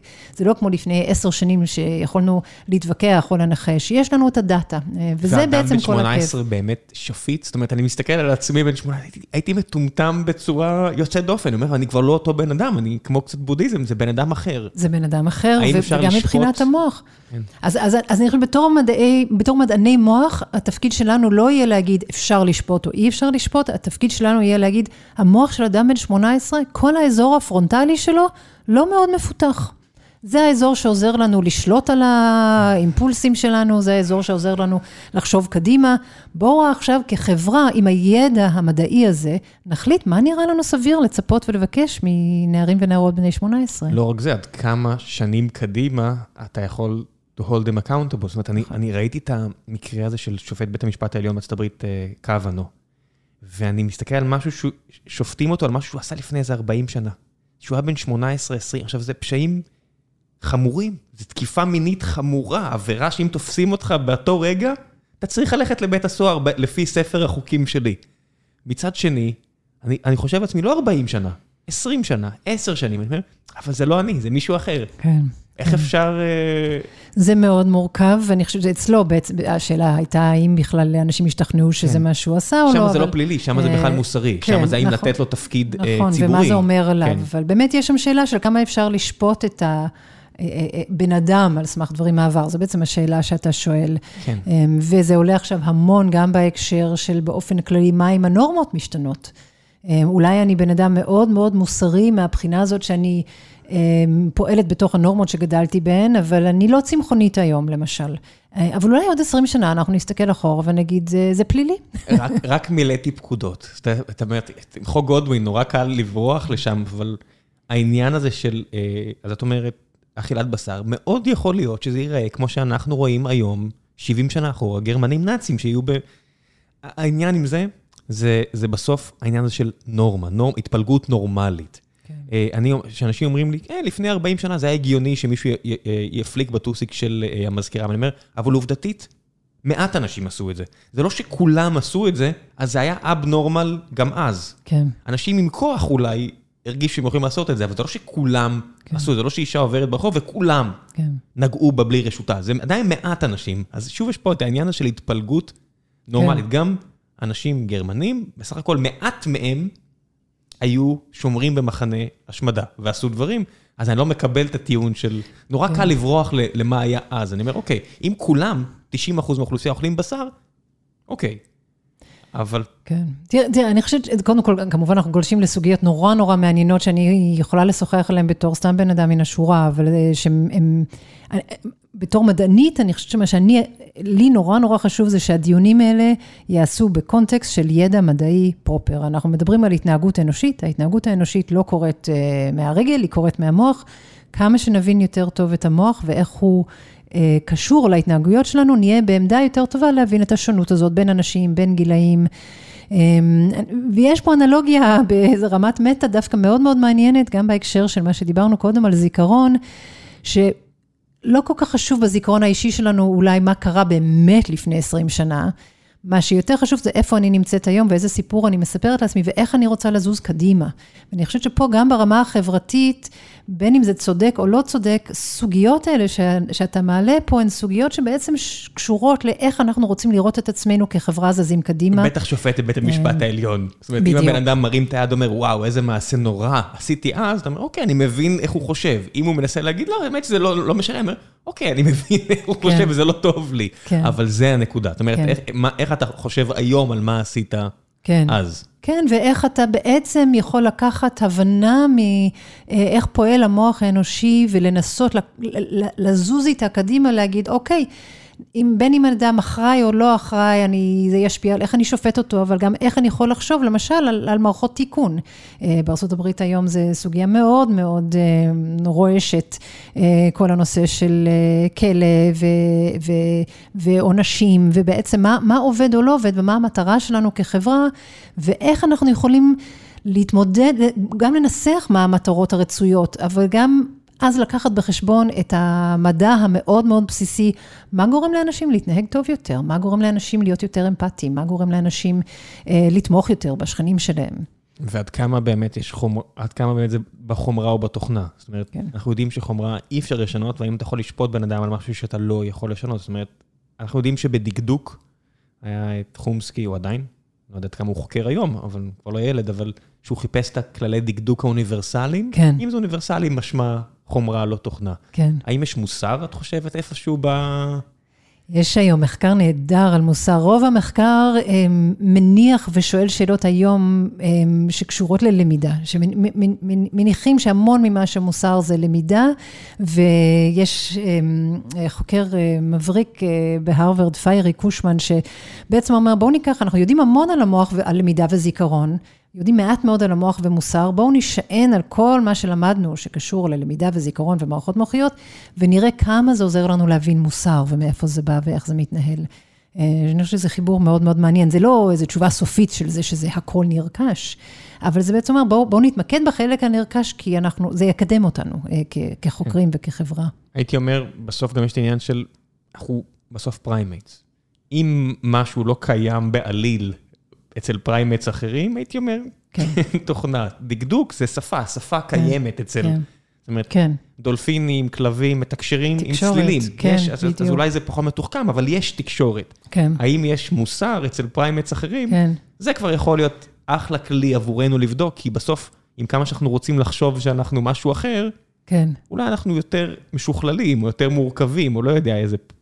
כן. לתאר את זה, אבל זה בסוף כן. אותו דבר, ואם זה משהו אחר לגמרי, אה, תראה, אני חושבת שזה, זה, זה, מה, ש, מה שאתה מעלה פה עכשיו, כאילו, את הקשר גם בין חיות, זה בעצם מרחיב את הדיון שלנו על... אמ, אה, בין אנשים שונים. זאת אומרת, אנחנו, כשאנחנו מסתכלים על המוח, וכמו שאתה אומר, המוח בעצם הוא מאוד מאוד מאוד מאוד דומה בקרב כל היונקים, אבל בוודאי בין, נאמר, קופים, אה, non-human primates לפרימטס. ובעצם בשביל להבין את הביולוגיה של המוח וההשפעה שלו על ההתנהגות, אנחנו רוצים לא רק להבין את המקרה קצה בתוך בני אדם, אנחנו רוצים גם להכליל את הידע הזה מעבר לבני אדם.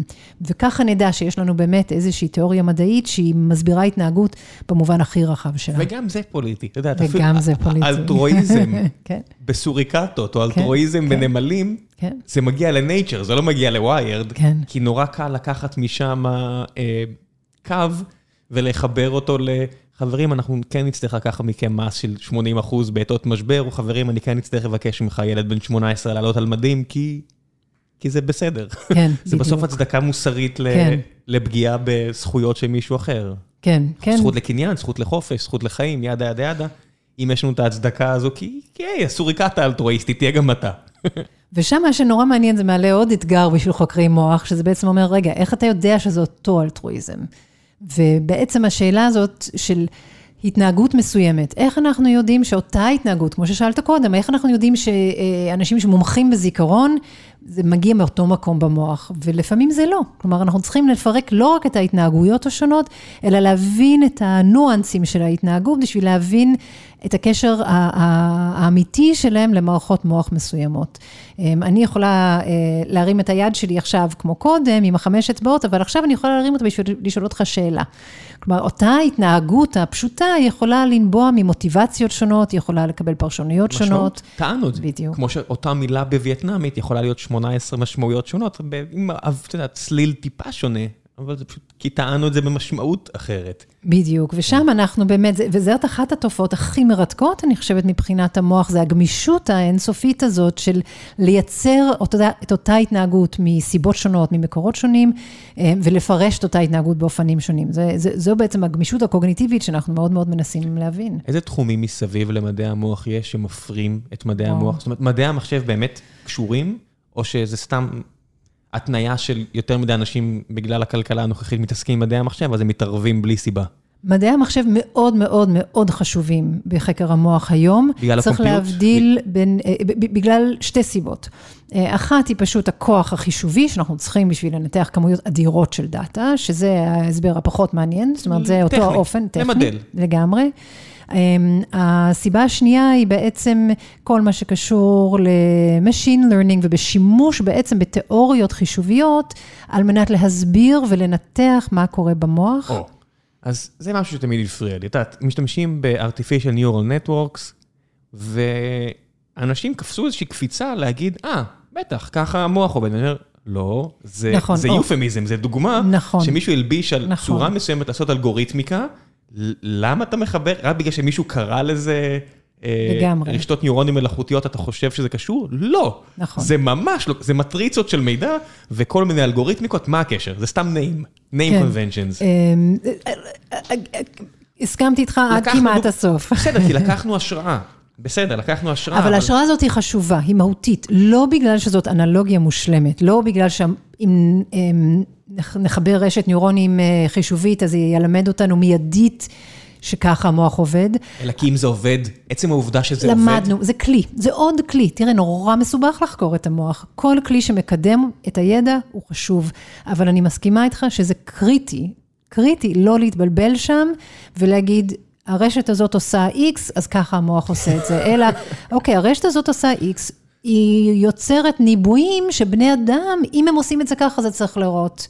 דרך אחת, אם הם עושים את זה אחרת, זה צריך לראות אחרת.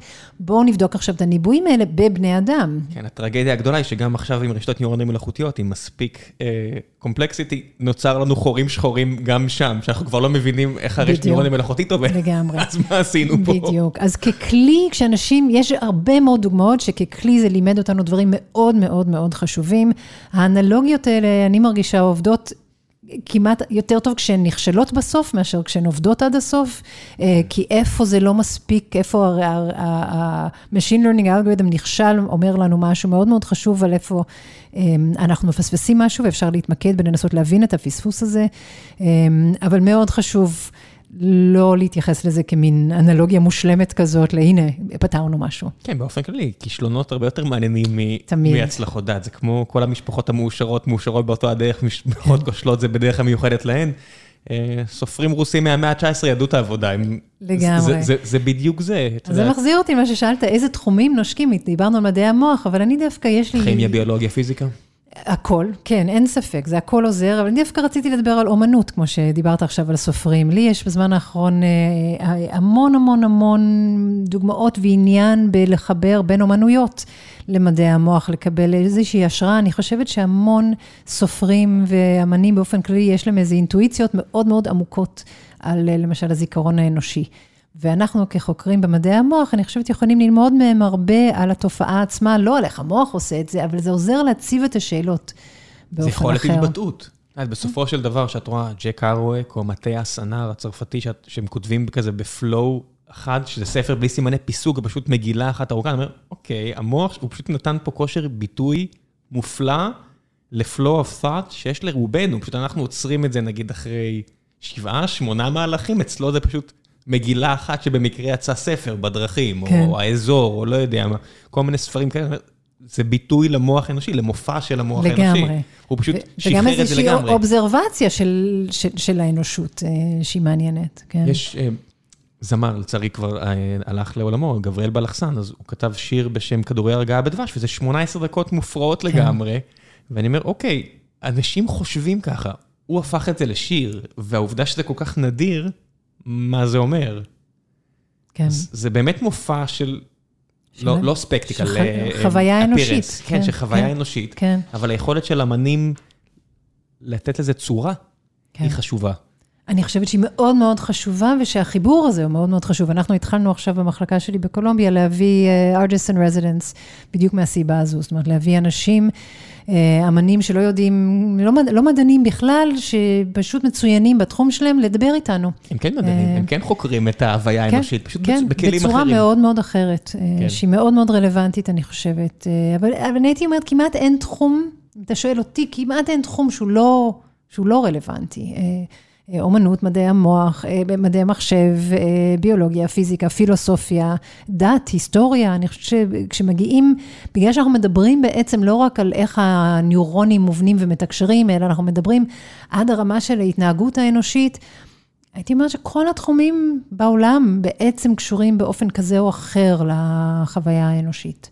כן, פיזיקה בסופו של דבר, אם אנחנו מסתכלים איפה היינו לפני 100 שנה, גם אם עכשיו הקצב ירד מאוד בכמות הגילויים, אם פתאום עוד 100 שנה נדע, לא יודע מה, super string theory, שזה נכון, אני מניח שזה ישפיע גם על התחום שלך. אין ספק. מעבר למכשור כן. שיופיע, שזה תמיד נחמד, אבל עצם ההבנה, בסוף את מדברת על תאים ופולסים נכון. חשמליים עם תאים אחרים, נכון, ונוצרים חיבורים. נכון, שמתקיימים בעולם פיזיקלי.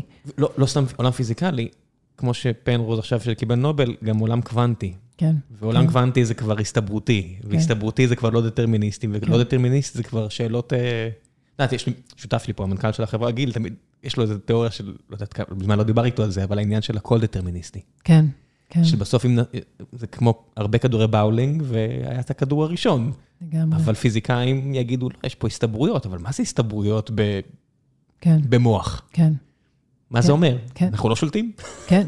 לא, אבל הייתי אומרת, זה, זה הולך גם בצד, גם, גם לכיוון השני. אחד הדברים, כשאני מלמד את הקורס הגדול הזה, מי שמלמד, זה קורס כזה על מדע באופן כללי, ומי שמלמד אחריי זה בריאן גרין, אה, שהוא פיזיסט. מה מלמד אחרייך? אני מלמדת שלושה שיעורים על מוח והתנהגות. מתוך 12? כך, מתוך 12. שלושה ותשעה? הוא מקבל שלושה, הם מקבלים שלושה בפיזיקה, זה מין קורס אה, מבוא כזה למדעים. איזה כיף. אה, נורא כיף, כן. אז בריאן גרין תמיד מתחיל את ההרצאות שלו בעצם, שהוא אומר, אוקיי, אז אנחנו למדנו משהו על המוח האנושי, שהוא, ואיך הוא עובד ומה הוא תופס. אבל בעצם, במידה רבה, ההיסטוריה של התחום של הפיזיקה, ניסה לצאת מעבר לתפיסה האנושית, ולנסות להבין עקרונות שאנחנו לא יכולים לתפוס. אז מבחינה היסטורית, יש שם איזה משהו נורא נורא מעניין של איך אנחנו כבני אדם, עם המוח שיש לנו, מנסים להבין משהו על העולם שהמוח שלנו לא שוב, תופס אותו. שוב, יודעת, אם לפני 1,900 אה, שנה יש מישהו שמסתובב בסוריה ומדמיין שישו עשה ככה או אחרת, והוא קדוש מאוד, אה, הוא בכל זאת נכון. טען משהו מטאפיזי. לגמרי. ואם 1,900 שנה לאחר מכן, מישהו מדבר על 16 ממדים או 9 ממדים, אומרים, אה, הנה, הוספתי ממד, אה, זה סוגר לי את הסיפור. אין לאף אחד באמת יכולת לדמיין ממדים, יש לנו כן. יכולת, כלים מתמטיים לעבוד עם זה, אבל כן, אין לנו כן, את היכולת כן. לדמיין, זה לא אכפת לי מי אתה או מה אתה, אולי נכון. יש לך אינטואיציה, זה כל מה שיש. וזה קצת כמו אלוהים, זה קצת כן. כמו הרבה דברים אחרים כן. שהם...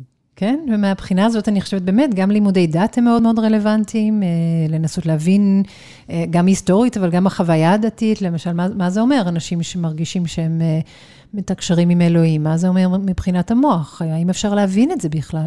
לא יודעת, האם, האם אי פעם נקבל תשובות לשאלות האלה? אני לא יודעת, אבל אני חושבת שאפשר להתקדם ולנסות לקשר בין, ה, בין התחומים באופן שהוא פרודוקטיבי. DMT, אני יודע.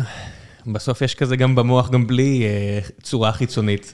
כן. זה, זה פשוט קצת עצוב, שאתה מרדד את הכל לביולוגיה וכימיה, ולא נשאר בה קצת אבל, רומנטי, אבל... אז אני חושבת שצריך לא, באמת, אני חושבת שזה אמרת עכשיו בעיניי משהו מאוד מאוד חשוב. אני חושבת שלנסות באופן כללי, האמביציה, השאיפה לנסות להבין את החוויה האנושית מבחינה ביולוגית, זה לא רדוקציה, זאת אומרת, זה לא ביולוגיה בלבד.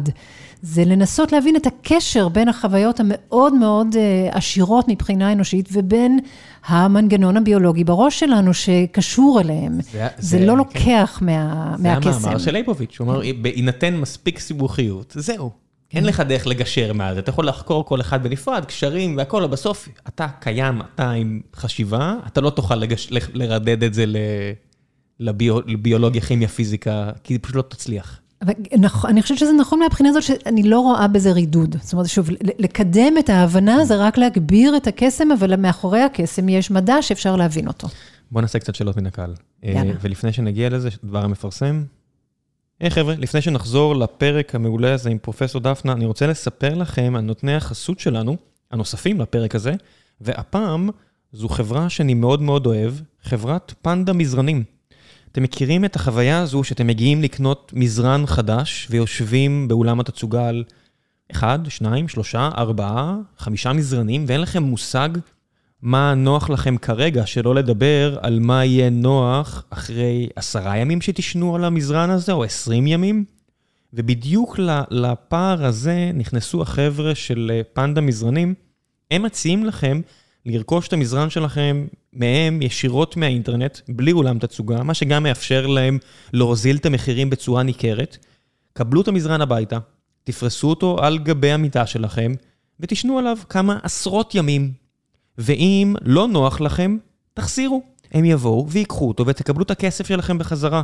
ואני כל כך מאמין בחבר'ה האלה, שגם הלכתי ורכשתי בעצמי מזרן, לא כחלק מהחסות, החלטה אישית שלי, כי אני אוהב לבדוק, להתעניין בדברים האלו, ולא רק שאני אה, ישן על המזרן, אלא גם הילד שלי ישן על מזרן של פנדה, והוא מאוד נהנה, ואנחנו מאוד נהנים, ואם... תשתמשו בקוד הקופון שאני אצרף לכם אה, בדף הפרק, גם תקבלו חמישה אחוזי הנחה נוספים על המוצרים, וככה הם גם ידעו שהגעתם דרך גיקונומי וכולם ירוויחו. מוצר מעולה במחיר מנצח שאני ממליץ עליו ברמה האישית, וכל מה שאני יכול להגיד לכם זה שגם אצלנו ישנים על המזרן הזה, אה, כך שיותר מזה אני לא יכול להציע לכם, באמת מוצר מומלץ. ועכשיו, בחזרה לגיקונומי 452, מקווה שאתם נהנים. אמיר טופז שואל, למה לאנשים יש זיכרון קצר? אני מניחה שהשאלה היא בעצם קשורה ללמה אנחנו זוכרים דברים שקרו לפני כמה דקות. אה, אולי, אולי דברים שהתפוגגו, אולי זה שאלה אבולוצ... על פסיכולוגיה אבולוציונית, או לא יודע מה, או ביולוגיה אבולוציונית. Mm, אה, אה, הייתי רוצה לדעת עוד על השאלה. טווח קצר, טווח ארוך, אבל ככה זה פשוט עובד. אמ, כן, שאלות של למה הן כמעט תמיד ככה מבקשות תשובה אבולוציונית, כלומר, מה, איזה, איזה מטרה זה משרת. ללא ספק, אה, הרבה מהמידע שאנחנו נחשפים אליו הוא רלוונטי לזמן קצר ואחר כך לא רלוונטי, אז זה מאוד יעיל שיש מערכות זיכרון ששומרות משהו שקרה בדקות, לאפשר שיחה, ולא בהכרח לזכור כל מה שקרה לי הבוקר, או איפה שמתי את המכונית הבוקר במגרש חניה, לא רוצה לזכור את זה מחר, אז... אה, אני חושבת שהרבה מהשאלות של למה בזיכרון אתה בסוף מגיע לשאלה שאומר, אוקיי, כי, כי זיכרון זה, זה, זה דבר מאוד מאוד מוגבל, אה, אי אפשר לזכור הכל, אז איכשהו צריך מערכות כאלה שיעזרו לנו לזכור מה שאנחנו צריכים עכשיו. שזה בכלל, את יודעת, שאלה, אם, אם אני זוכר משהו, האם מחקתי משהו אחר, זה לא באמת טוב, כי אני שוב הולך לאנלוגיות שאני מכיר, וקל לי לחשוב עליהן, אבל זה לא באמת עובד ככה, נכון? נכון. אני לא באמת מוחק. נכון. דברים, זאת אומרת, אה, אה, אה, זה באמת לא כמו במחשב, אין איזה פשוט delete file כזה. למעשה, הרבה ממה שמסביר מה בסוף אנחנו זוכרים, זה משהו שיותר פונקציה של תגבור של דברים מאוד מאוד חשובים ורלוונטיים, במקביל לזה שיש דברים שהם פשוט עושים fade away. אסף לובנטל שואל, מה היתרון בלהימנע מקבלת החלטות? כמו במקרה של אנשים שמחזיקים מלתחה של עשרות חולצות זהות. אה, בתור מדענית? יש כל מיני יזמים כאלה מפורסמים בעולם מזקרברג ואחרים שידועים בזה שהם הולכים תמיד עם, או סטיב ג'וב, זו הדוגמה הכי אה, מפורסמת, לא עושה החלטות. כן. אני, אני מרגיש שהוא עשה את זה וכל השאר קצת אה, כן. מחכים, קצת כמו הבחורה של של אה, טראנוס, שהתלבשה כמו סטיב ג'ובס, ואתה אומר, אוקיי, כן. הבנתי מה קורה פה. אני חושבת שהדוגמאות האלה משעשעות, אבל גם מצביעות על משהו עמוק, וזה שקשה לקבל החלטות. זה מאמץ. אנחנו בעצם צריכים, אה, כל, כל החלטה כרוך בה אה, קצת אה, ניבוי לעתיד. מה אני ארצה לעשות הלאה, למה זה יהיה טוב, וזה מאמץ, וזה בעצם תמיד תרגיל בהתמודדות עם אי-ודאות. אז אני חושבת שחלק מהמניעה, אני מישהי שלא אוהבת לקבל החלטות, וחלק מהמניעה מקבלת ההחלטות היא זה שלא בא לנו לקחת את הסיכון הזה, כי חלקנו יותר אה, לא נוח לנו עם האי-ודאות הזאת לגבי העתיד. רעיונות אה, כמו ego depletion וכאלה, שהיו ידועים, הפריכו אותם כבר, נכון? או שזה עדיין... אה, לדעתי זה עדיין לא סגור. אה, זה, יש עכשיו הרבה עיסוק במין... אמ, examination של התחום, מה כן נכון, מה לא נכון. יש כאלה שיגידו שאיגוד הפלישן הופרך, אני חושבת שזה לא סגור עדיין. אני, אה, אני מודה שאני מרגיש ביום-יום שזה ככה, היכולת שלי להימנע מלאכול שטויות בבוקר, היא 100 אחוז, אצלי, אני כן. בן אדם עם משמעת. היכולת שלי להימנע, אתמול היה לי יום שהתחיל ב-8, הסתיים פה ב-11 וחצי, היכולת שלי להימנע מלקחת שטות מהמטבח ירדה לאפס. כן. לא, אני חושבת לא שכולנו לא מכירים את זה. כן. אני חושבת שהשאלה שם, לדעתי, השאלה שם בסוף תהיה לא אם זה קיים כתופעה או לא קיים, אלא מה ההסבר שלה ואיך מתפעלים את זה וכמה אפשר לכמת את זה מחקרית. זאת שאלה גדולה לתחום באופן כללי, איך אנחנו לוקחים תופעה כמו שאתה מתאר מהחיים שלך, ואיך אני עכשיו חוקרת את זה מבחינת אה, מה קורה במוח בדבר הזה. איך נראה ניסוי? כל ניסוי הוא רדוקציה, אנחנו מנסים ככה לשלוט על כמה שיותר אה, גורמים. אה, אז לפעמים על הדרך אני חושבת שהמחקר עשוי לפספס אלמנטים מסוימים, ואז יש תיקון. אני בכלל חושבת שעכשיו מה שקורה בתחום זה, זה תיקון, זה לא, זה לא צעד אחורה, זה צעדים קדימה. תשמעי, כל אה, הפרחה של היפותזה זה אחלה.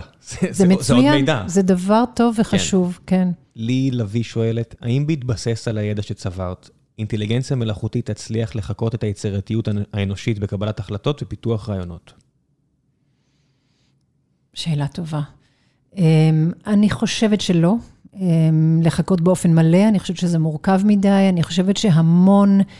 אה, יהיו דוגמאות שבהן, כבר יש הרבה דוגמאות שבהן זה עובד. בגו זה עובד. אה, כן, כן, אבל בין זה ובין אה, קנדינסקי, כן, אז אני חושבת, אני חושבת שלא, שבסופו של כן. דבר יש איזה משהו מאוד מאוד מיוחד, שאנחנו מאוד רחוקים מלהבין, שקשור לגמישות ויצירתיות באופן עמוק. בסוף גם יש את העניין של המשמעות. יכול להיות שאנחנו, שתבוא יצירה, ו...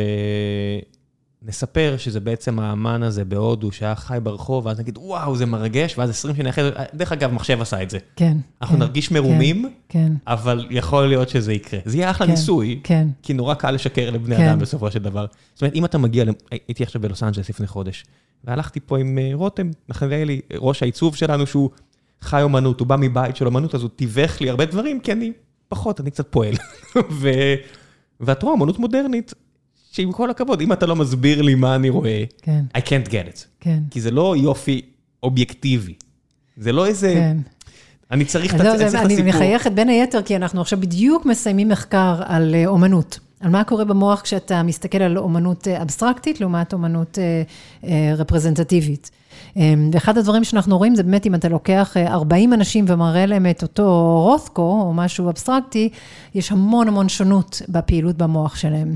ואם אתה נותן לכולם, אה, לכל אותם 40 אנשים, 40 אנשים רנואר, יש, אה, יש מעט מאוד שונות, בעצם אותם, אותן הרשתות פעילות. אמ, ואנחנו חושבים שחלק מזה זה בדיוק המאמץ הזה שאתה מתאר, שאתה מסתכל על רוטקו ואתה קצת ככה מגרד את הראש ואומר, אה, זה מזכיר לי זריחה? לא, זה מזכיר לי שקיעה? לא, מה אני, מה אני עושה עם זה? בעצם זה תרגיל קוגניטיבי במתן פרשנות. פלוס יש את העניין של הכבוד שלנו לעמלנות. זאת אומרת, אני רואה ורמיר, ואני רואה מישהו במאה ה-16-17 שיודע לצייר פוטו-ריאליסטי, כי הוא פיתח טכניקות שאפשרו לו, אני לא צריך להבין, אני, אני נפעם מזה שזה פוטו-ריאליסטי, שאני רואה כן. קיר לבן עם ריב ענק, עצום, אתה יודע, פולק. באותו, כן. יש תערוכות של פולק באותו מוזיאון בלוס אנג'לס, וזה קיר עצום עם שפריצים של צבע. כן. אני מסתכל ואומר, מה אתם רוצים ממני?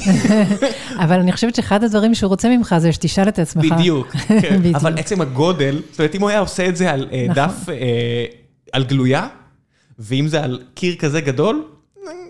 אבל זה בדיוק, זה... זה בדיוק העניין, זה נורא נורא מעניין. זה לא שיש לו פחות כוונה לשלוט על המחשבות שלך. זה אותה הכוונה, זה פשוט הרצון להעלות שאלות שונות.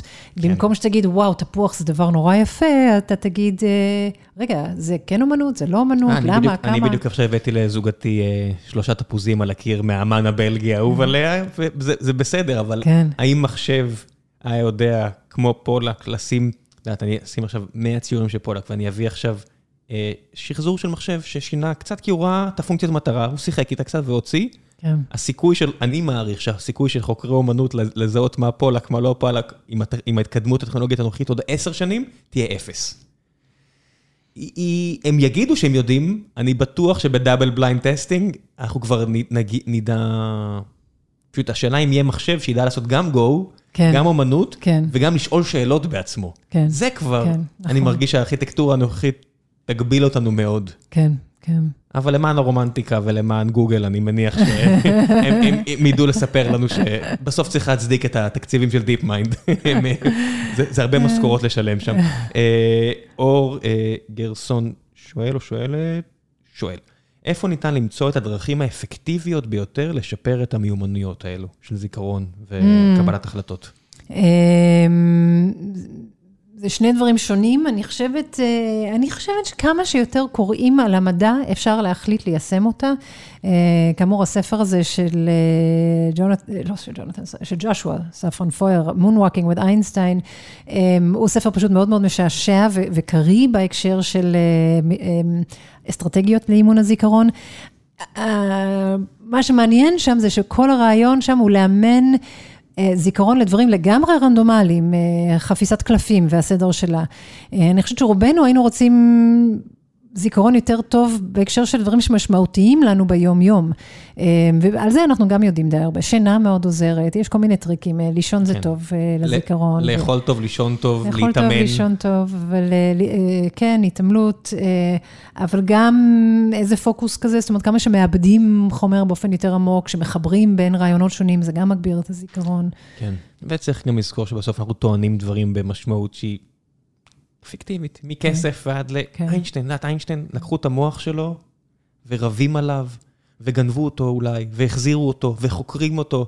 כן. והבן אדם מסתובב בפרינסטן את העשר שנים האחרונות שלו כמו איזה מוקצה מהקהילה המדעית, שהוא היה שם, והיה אפשר לשאול אותו, אף אחד לא בדיוק מיהר לעשות את זה. כי אנחנו טוענים דברים ב... כן, אנחנו יוצרים אסוציאציות, אנחנו מחליטים שסוודר יעשו על זה דווקא איזה מחקר. סוודר ירוק רנדומלי, כמה היית משלם עליו? שלושה דולר. אם אני אומרת לך שזה של ג'ורג' קלוני, כמה אתה מוכן לשלם עליו, אחר כך אמרו, ואם הייתי אומרת לך שג'ורג' קלוני, אבל הוא אה, אף פעם לא לבש אותו. אז אנחנו מייחסים ערך לדברים בהתאם לאסוציאציות שלגמרי לא קשורות למציאות. עכשיו עם NFT, בכלל פיצצנו את הסיפור הזה, בכלל כבר, זה כבר רפרזנטציה דיגיטלית של מה בדיוק. כן. וכל מה שאני נותן לבן אדם פשוט לנסות להסביר לי את זה, זה נגמר ב, אתה בומר, אתה לא תבין. מאה אחוז, הכל בסדר, אה, it is what it is. אה, בוא נעשה עוד איזה שתי שאלות. אה, סלע נטור, אה, האם את חושבת ששיטות כמו ניורו-פידבק או גריה מוחית, TMS, כן. או כל שיטה אחרת שמשנה את הפלסטיות המוחית, יש להן את הפוטנציאל להפוך למוצר אשר יעזור לבני אדם לשפר תהליכי למידה או קבלת החלטות בחיים שלהם. Mm. ועד כמה את חושבת שתעשיית הניורוטק תצמח בשנים הקרובות? Mm. וואו. אז קודם כל, יש דוגמאות לזה שזה עובד, גם נוירופידבק וגם TMS, זאת אומרת, זה משפיע על הפלסטיסיות של המוח, זה משפיע על תהליכים קוגניטיביים. אמ, אני מוטרדת מתעשיית הנוירוטק, אני חושבת שזזים מהר מדי, בלי מדע מבוסס, אה, יש שם אינטרסים כלכליים. ש... דרים קצת. אמ, אז אותי זה מטריד מאוד, אני עוד לא ראיתי שום דבר ששכנע אותי, שהייתי מציעה לילדים שלי או לעצמי, אבל זה לא אומר שבפוטנציאל אי אפשר לעשות את זה. אני חושבת שזה הכל אה, באופן עקרוני אפשרי, הכלים האלה יוכלו לעזור, אבל צריך להבין הרבה יותר, צריך הרבה יותר מחקר לפני שרצים ככה קדימה עם זה. והטרגדיה היא שצריך גם להאמין. כמו הרבה דברים בחוויה האנושית, נכון. מתרופות לסרטן ועד לניורופיבק, אם אתה לא מאמין, אתה כן, קצת סקרוד. כן. וגם את זה אנחנו היום מבינים. תראה, זו דוגמה מצוינת לשינויים אה, באיך שואלים את השאלות. פעם פלסבו ואמונה נראו דברים כאלה, פסיכולוגים לא קשורים למוח. היום אנחנו יודעים למה כשאתה מאמין במשהו, אתה, הוא משפיע עליך יותר. מה אנחנו, אנחנו יודעים? יודעים מה זה עושה במוח.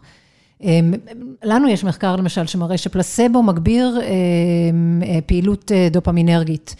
כלומר, הפלסבו זה אמונה, זה איזושהי ציפייה, זה ניבוי וזה עובד במוח. כמו שכל מיני ניבויים עובדים במוח, זה לא איזה, זה לא משהו מסתורי, זה לא איזה קסם, זה משהו מאוד קונקרטי. כן, תרופה של מישהו בחלוק לבן, גברת נחמדה, שאני יודע שהיא הרופאה שלי כבר 15 שנה, אני מצפה לה, ואם אותו בן אדם יבוא עם טרנצ'קוט ויצא מאיזה ון ויביא לי את אותו דבר בדיוק, נכון, אולי נכון. זה יעבוד פחות טוב. נכון, וזה לא, זה לא, אין שם שום דבר מיסטי או מוזר, זה בעצם, יש לך ציפייה שבנויה על הידע שלך, והידע שלך הוא כלי מאוד מאוד חשוב אה, לעשות רגולציה לפעילות המוחית שלך.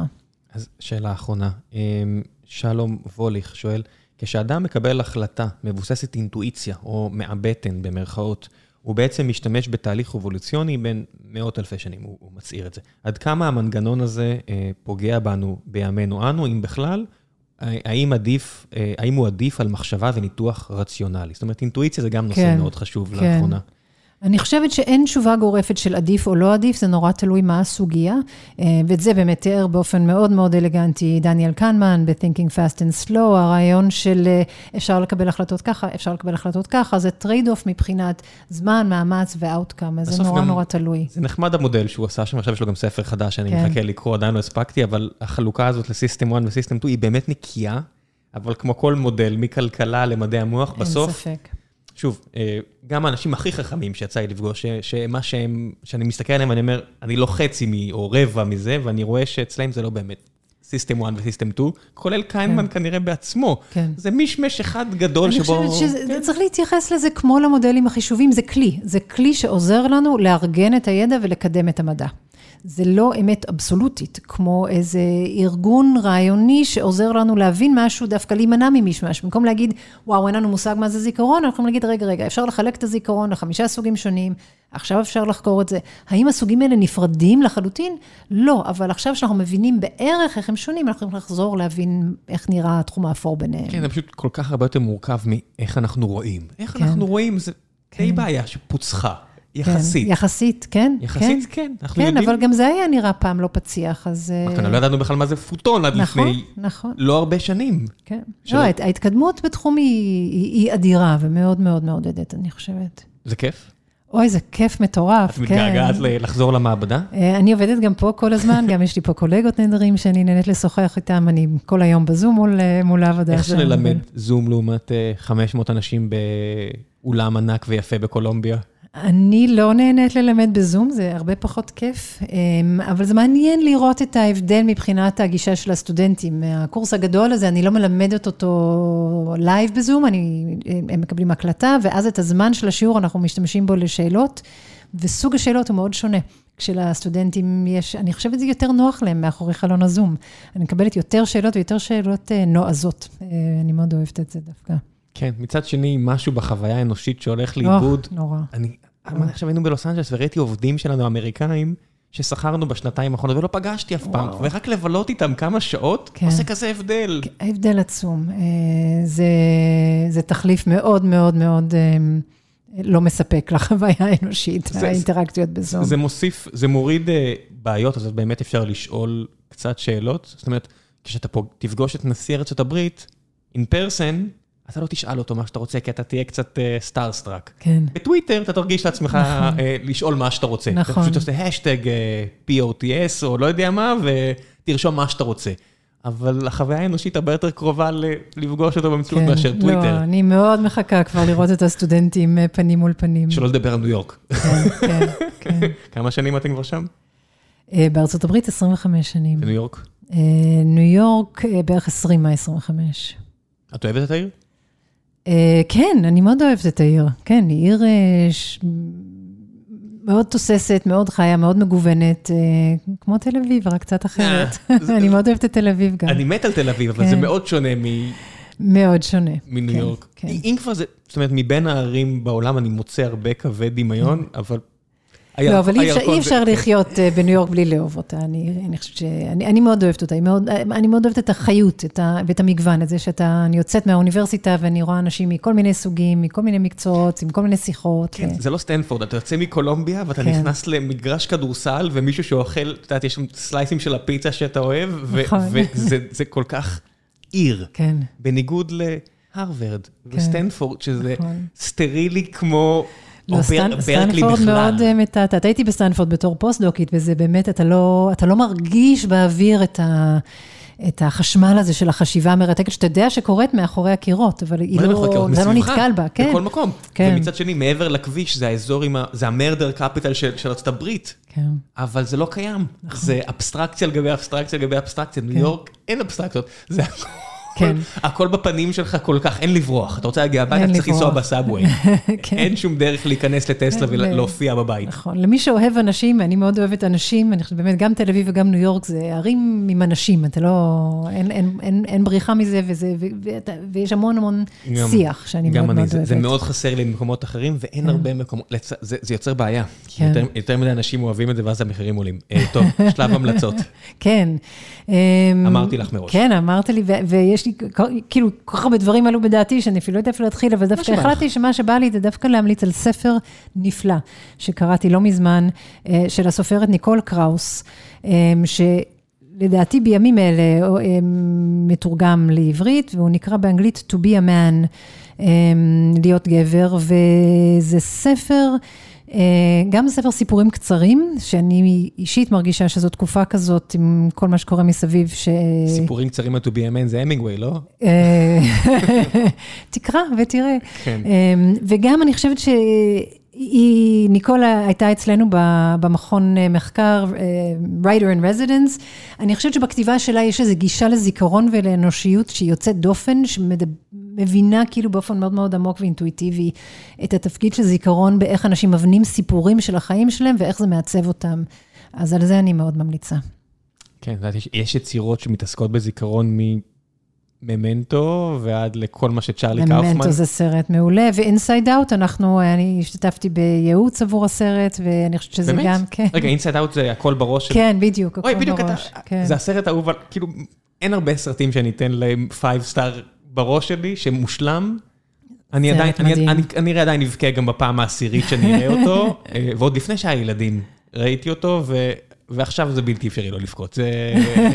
It's too much. כן, לא, זה סרט נפלא, ואנחנו באמת אה, יעצנו להם, אני ועוד כמה אנשים מקולומביה. ודיברנו על איך זה היה, מערכות זיכרון. הייתה חוויה נורא נורא מעניינת, ובעיקר זה היה אה, מין אה, שיעור בצניעות, מהבחינה הזאת שהם סיפרו לנו על הרעיון. של הסרט, והיה נראה לך טיפשי? איתנו, היה נראה לנו בלתי אפשרי, לא ילך, איך אפשר לעשות דבר כזה? ואז אה, הזמינו אותנו להקרנה מוקדמת של הסרט, ופשוט... You were blown away. היינו המומים. אני חושבת שהם עשו שם עבודה מדהימה, גם מבחינה נרטיבית, אבל הם לקחו קונספטים מאוד מאוד מורכבים במוח ובזיכרון ספציפית, והפכו אותם לא רק לנגישים, אלא כאילו סופר אינטואיטיביים, כאילו שכל אחד יכול לתפוס. איך שהם הראו שזיכרונות מצד אחד הם נפרדים, אבל מצד שני הם גם משתנים בהתאם למה קורה איתך היום ו-in the moment. כן, אתה יכול לצבוע אה, זיכרון כן, בטרגי או שמח, זה... אז זה קונספט במדע שלאנשים מאוד קשה לתפוס אותו, מה זאת אומרת שאפשר לשנות זיכרון, והם הראו את זה באופן לא? מאוד מאוד ברור. איך זה לא אינטואיטיבי? את יודעת, אני- מה שאמרתי לך על הצבא, זיכרון שאז כן. היה לי נורא ואיום, ועכשיו אני אומר, אה, אבל הייתי עם החבר'ה שלי. אני נורא מתגעגע ל- להיות עם החברים. כן, כן, כן. אבל הם הראו באמת איך, איך זה יכול לקרות מבחינה כאילו ממש אה, כמעט טכנית, זאת אומרת, זה כמובן לא עובד ככה טכנית, ובכלל, כל העיסוק הזה של שם ב...